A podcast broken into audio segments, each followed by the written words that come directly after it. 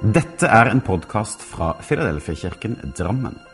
Vi ønsker å være en kirke for alle generasjoner gjennom alle sesonger i livet. Vi håper denne talen vil skape noe godt, og at du kan finne både håp, trøst og styrke i den kristne tro.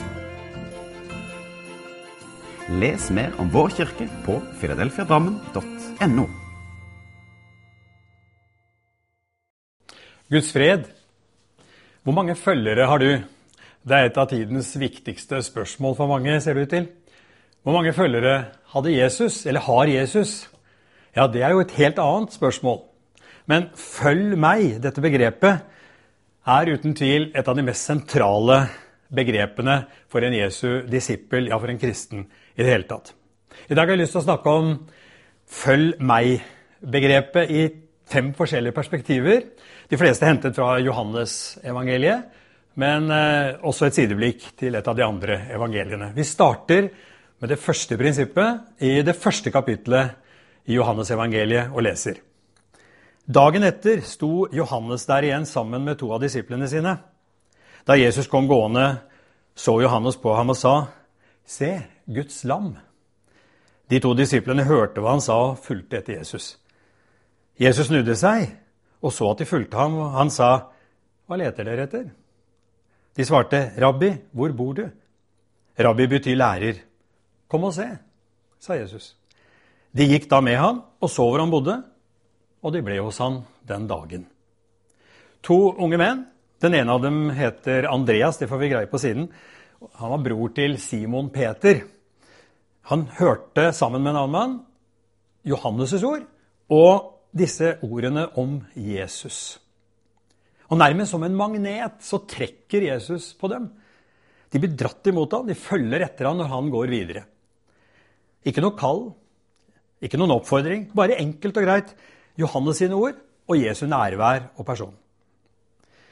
Så snur Jesus seg og spør, 'Hva søker dere? Hva leter dere etter?' Hva svarer, hva svarer man på sånt? Kanskje de ikke visste det selv engang like mange mennesker rundt oss, og kanskje vi selv iblant. Hva søker vi? Hva leter vi etter? Det er ikke alltid så klart for oss. Nærmest på måfå griper de til et halmstrå. Eh, hvor bor du? Gi oss en adresse, i hvert fall, så vi har et sted å komme i påkommende tilfelle hvis noe skulle skje. Jesus tok dem på ordet og sa, 'Kom da vel, kom og bli med.' Her begynner det. Ingen krav, ingen strevsom lære, men en relasjon. Den dagen ble de to introdusert for en verden og en person som for alltid kom til å forandre livene deres. Hva snakket de om?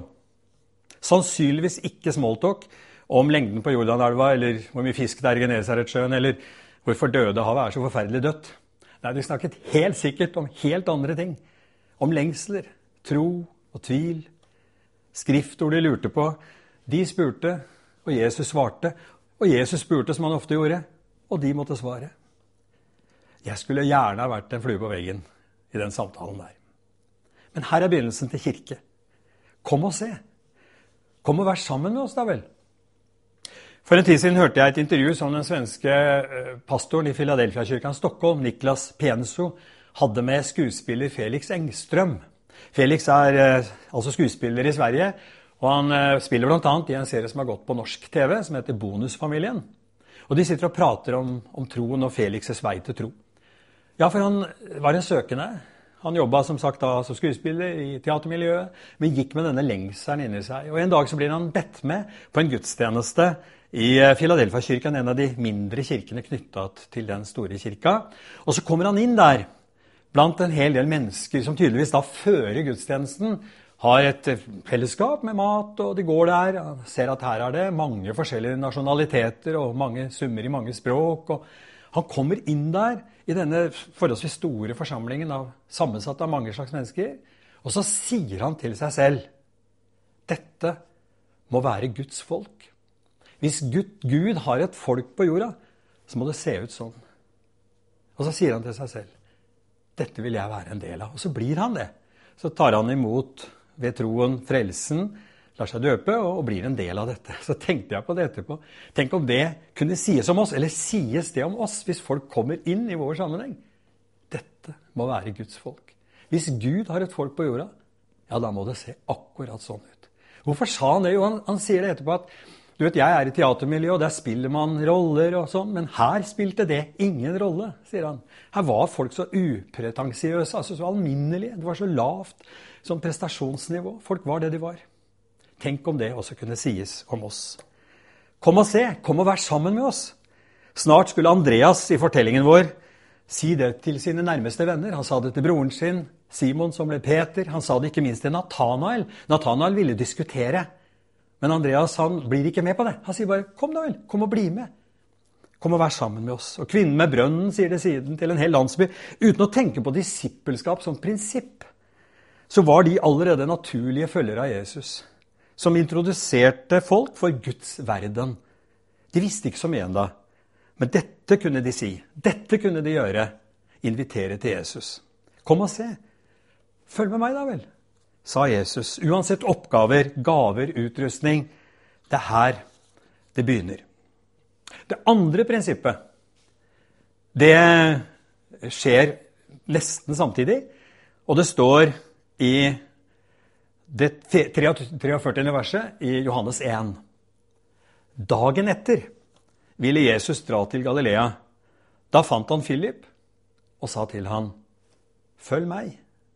Evangelisten Markus utdyper dette, og det er her vi skal finne et nøkkelord. Det står i Markus 1, 16. En gang han gikk langs Galileasjøen, det er Genesaretsjøen, fikk han se Simon og Andreas, bror til Simon. De holdt på å kaste noe til sjøen, for de var fiskere. Jesus sa til dem, 'Kom og følg meg, så vil jeg gjøre dere til menneskefiskere.' Nå dukker Andreas opp igjen, men nå har han dratt hjem. Hjem fra Jordanelva, helt opp til Galilea. Og han fortsetter å fiske. Det er smart, vet du. Ingen forhastede beslutninger. Ingen overilte handlinger. Tid til å la dette nye, det han hadde møtt der hjemme hos Jesus, mm, la det synke. Men nå kommer det et kall som er tydeligere, om etterfølgelse. Ofte blir sånt knyttet til forandringer. Følg meg, sa Jesus. Ofte er det fra noe kjent til noe ukjent. Det er et nytt fokus, nye prioriteringer. Av og til kan det til og med bety ny jobb. Det gjorde det for meg. Jeg husker tilbake når jeg var så vidt fylt 20, så hadde jeg jobba i en bank i Oslo i tre år. Trivdes med det. Og, men jeg, samtidig i helgene var jeg ute og sang sammen med brødrene mine. Og jeg var bankkasserer. og Akkurat på denne tida hadde vi vært, eller den helga som jeg tenker på nå, hadde vi vært ute. Jeg syntes det hadde vært så fint. Jeg kjente at det var noe som dro. Så kom jeg på jobb den mandag morgenen. Jeg skulle ned i hvelvet og hente kassa med pengene som skulle settes opp i kassa mi oppe i avdelingen. Og jeg visste når jeg var på vei opp, at når jeg kommer opp, så må jeg sette fra meg den og ta en telefon. Og det gjorde jeg. Tok en telefon og ringte til personalsjefen og sa jeg må snakke med deg. Ja vel, kom du, sa han. Og jeg sprang opp de tre etasjene og kommer andpusten inn på kontoret hans. Så sier han, 'Er det noe gærent?' sier han. 'Nei', sier jeg. 'Det er ikke noe galt', sier jeg. 'Det er uh, noe riktig. Jeg skal slutte her'. 'Skal du slutte her', sa han. Ja. Så fortalte jeg om det som rørte seg i meg, om det livet jeg levde ved siden av det å være bankkasserer, som dro på meg, og at jeg skulle begynne på bibelskole. Og han så på meg. Jeg skal se det i øynene ennå. Han var så forståelsesfull.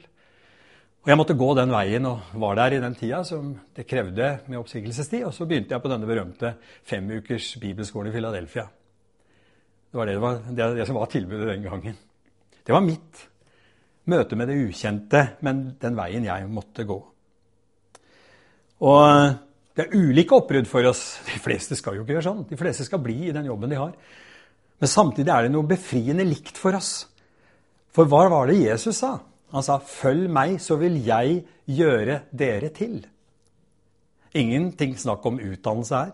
Ikke om akademia, ikke om ferdigheter, personligheter. Alt dette som er ulikt fordelt på oss, men bare dette ene. Følg meg, så vil jeg gjøre dere til. For et par uker siden, på Lindmo en fredag kveld, så så jeg et intervju som hun hadde med den nye stjerna på operahimmelen. Hun heter Lise Davidsen, er fra Stokke i nærheten av der hvor jeg kommer fra. Og jeg har fulgt med Lise Davidsen og hørt henne synge. Men hun sier noe helt fantastisk interessant i det intervjuet. Hun sier at folk flest de liker jo ikke opera. De, ha forhold, de har ikke noe forhold til opera. Og jeg er litt streng med dem, sier hun, hvis folk sier det er fint å høre deg synge, men, men akkurat det der, det, det syns jeg er rart. Så sier hun ja, det er klart hvis du slenger innom, så har det ingen betydning. Men kunne du tenke deg å gi operaen en sjanse? sier hun. Kunne du tenke deg å involvere deg og lytte det inn og kjenne hva det gjør, og hva, hvor svært det er? Og det er nøyaktig det samme ordet som vi kan si, og som egentlig Jesus sier. Vil du gi Jesus en sjanse? Det er det han egentlig sier når han kaller til etterfølgelse. Vil du gi meg en sjanse, så jeg kan få gjøre deg til? Og Hvis du har vært på alfakurs eller har invitert til alfa, så har du egentlig brukt litt av det samme argumentet. For det er jo det alfa-invitasjonen går på. Den er denne Kunne du tenke deg å gi ti uker av ditt liv? Ti uker. Ti ganger. Én gang i uka. Til det som har betydd mest for millioner av mennesker på jorden gjennom 2000 år. Altså, gi det en sjanse. Ikke bare fordommen, ikke alt det andre, ikke alt det rundt. Men det er den Prinsippet nummer to som jeg tenker i dag er, gjelder oss alle. da, Ikke bare som førstegangsinvitasjon, men å gi kallet fra Jesus en sjanse. Det tredje prinsippet det finner sted med nesten samme ordlyd som aller første gang. Men med litt helt andre og nye omgivelser. Da var de nede ved Jordanelva i forbindelse med Jesu dåp, og, og det, da de kom hjem til Jesus, husker vi. Men nå befinner vi oss i Getsemane havet. Det er natten mellom skjærtorsdag og langfredag. Jesus er der for å be. Han har disiplene med seg, unntatt Judas. Han ligger ved en stein og ber. Han svetter blod. Men så reiser han seg, og så er han klar til å møte det som kommer. Judas kommer inn i haven med en vaktstyrke, og vi leser fra Johannes 18, vers 4. Jesus visste om alt som skulle skje med ham. Han gikk fram og spurte dem, 'Hvem leter dere etter?' Jesus fra Nasaret, svarte de. 'Det er jeg', sier Jesus. Judas, han som forrådte ham, var også der sammen med dem. Da Jesus sa, 'Det er jeg', rygget de tilbake og falt til jorden. Igjen spurte han, 'Hvem leter dere etter?' Jesus fra Nasaret, sa de. 'Jeg har sagt dere at det er jeg', sa Jesus. 'Leter dere etter meg, så la disse andre gå'. Vi kjenner igjen spørsmålet altså fra den første dagen da Andreas og kameraten fulgte etter Jesus. Hva søker dere? Hvem leter dere etter? De visste ikke da hva de som kommer nå, de vet nøyaktig hvem de leter etter, og de har onde hensikter. Her, i dette prinsippet, kommer omkostningene til syne ved det å være en Jesus-etterfølger. Noe av det Jesus selv møter her. I et dramatisk øyeblikk her så viser Jesus både sin makt og sin avmakt. I det han sier 'det er meg', på gresk 'ego er mi', 'jeg er'. Det er det samme uttrykket Jesus bruker her, som vi kjenner igjen, vi som kjenner bibelhistorien. Og, og Moses sitt møte med Gud ved den brennende busken, så sier og presenterer jo Gud seg på denne måten 'jeg er' dette hemmelighetsfulle navnet. Og så tar Jesus dette navnet i bruk. Han, det er jo han, den evige på jorden. Og når han sier det, så faller de som fluer rundt ham. De faller sammen. Det er en mektig kraft i det ordet når Jesus sier det. Men hvis Jesus hadde fortsatt langs den linja, så hadde han frelst seg selv, men ikke oss og ikke verden. Men så sier han dette som er nøkkelordet i denne teksten for meg i dag. Leter dere etter meg, så la disse gå. Det er som han sier, det er noe ved mitt kall og min vei som jeg må utføre og gå alene. Jeg gir avkall på deres støtte. Slipp dem fri. Jeg går. Her handler det altså om omkostninger og avgrensninger. Dette er også et disippelkall og et prinsipp. Noe er bare vårt. Og vi får gjennomført det bare hvis vi gir slipp på det som hindrer. Spørsmålet blir jo da hva må vi la gå? Hva må du la gå for å kunne være en Jesu etterfølger? For meg var det jobben den gang. Det har vært mange mange andre ting etter det, selvfølgelig. Hva det er for deg, det vet du. Det fjerde og femte prinsippet det står i samme fortelling i det siste kapittelet i Johannes-evangeliet. Nå er vi på ny ved Genesaresjøen sammen med disiplene etter Jesu oppstandelse. Det er tidlig om morgenen. etter et mislykket fiske. Mislykket som alt annet hadde vært for dem de siste dagene.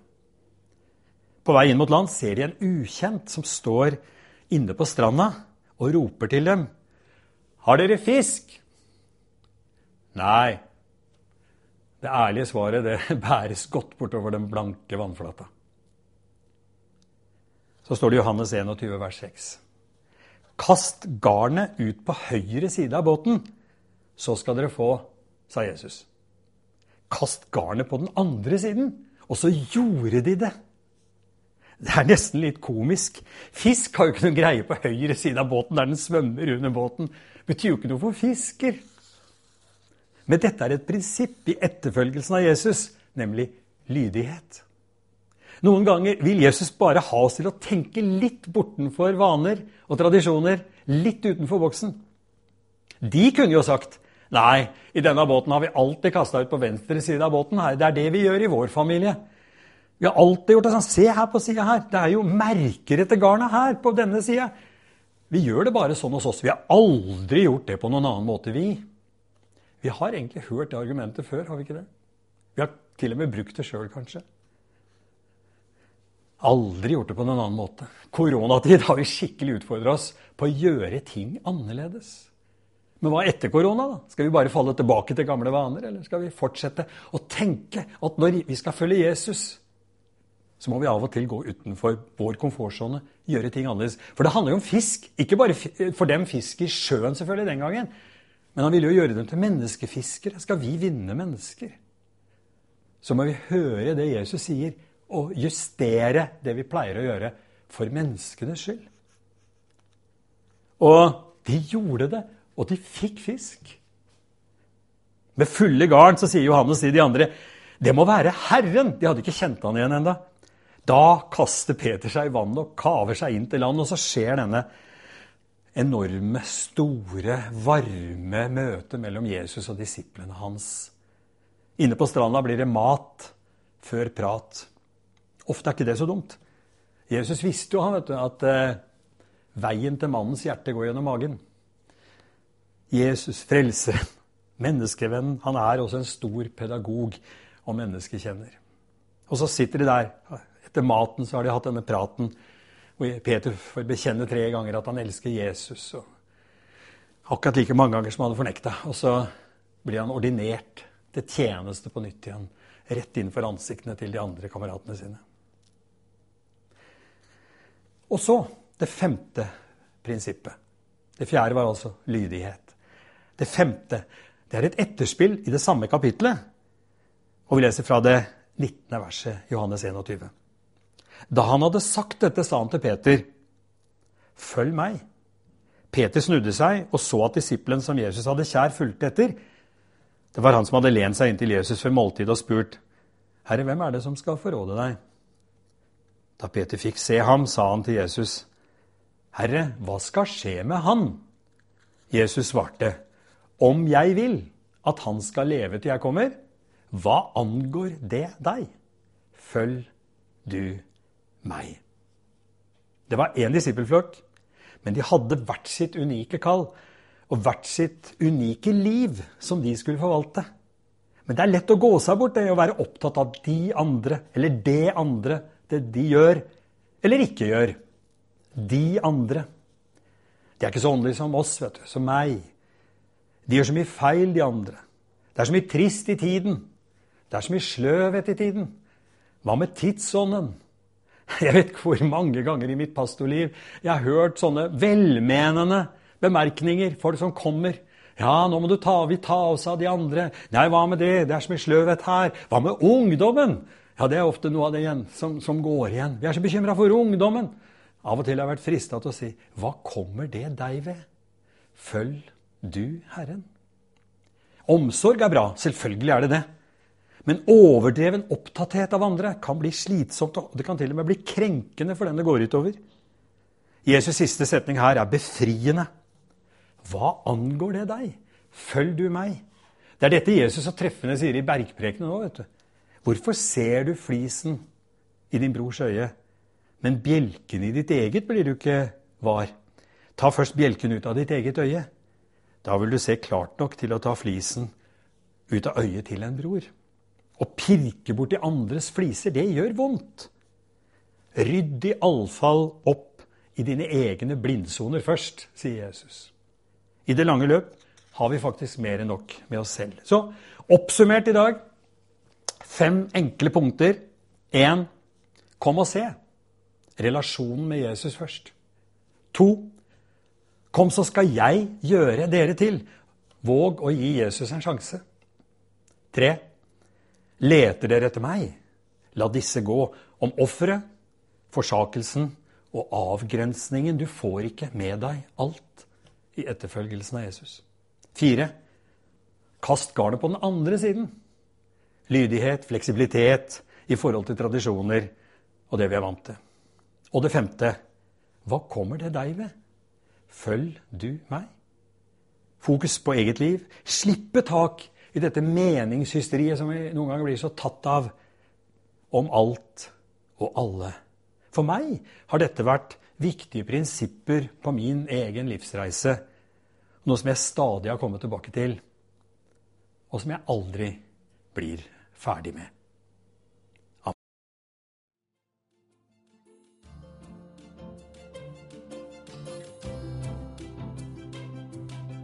Som en avslutning på denne podkasten ønsker vi å lyse Herrens velsignelse over deg.